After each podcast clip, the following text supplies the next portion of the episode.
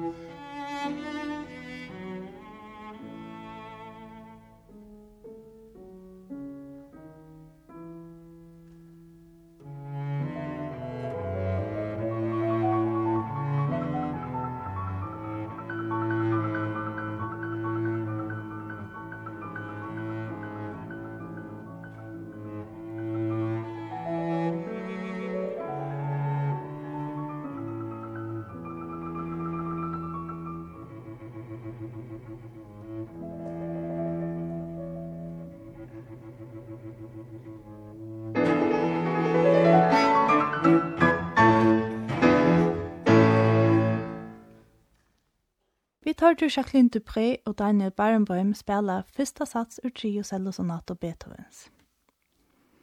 Eroica. Fyrsta størversk etter Beethoven og mitøyerskøyenon var tria symfoni hans herra, kalla Eroica. Hentan symfonien er en verre i symfonisk tonløyke.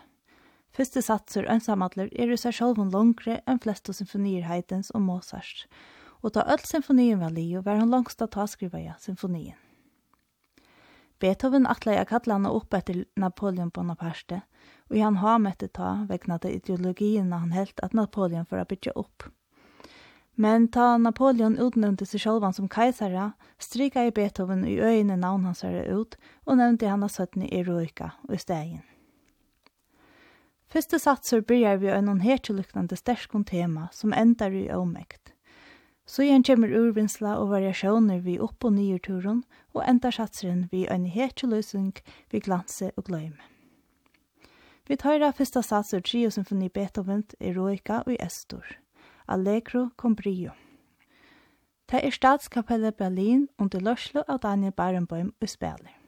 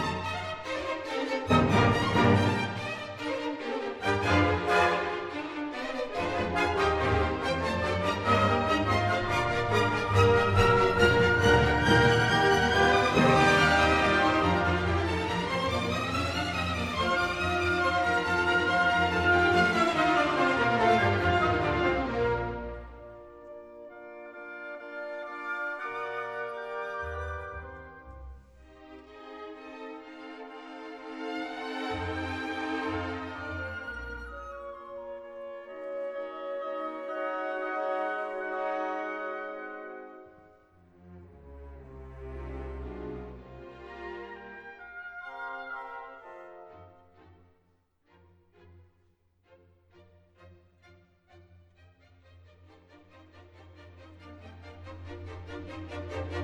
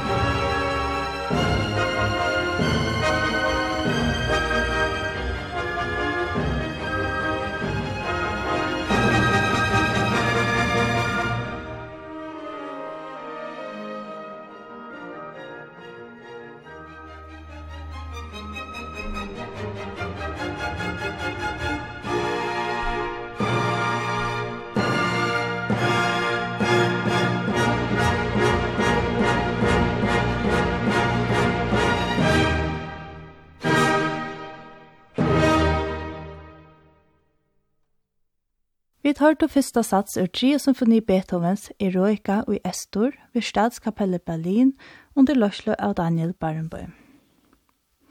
Heiligenstadt Beethoven hei om alderskiftet nekva framgångt som tonleikare og tonasmyr i Wien.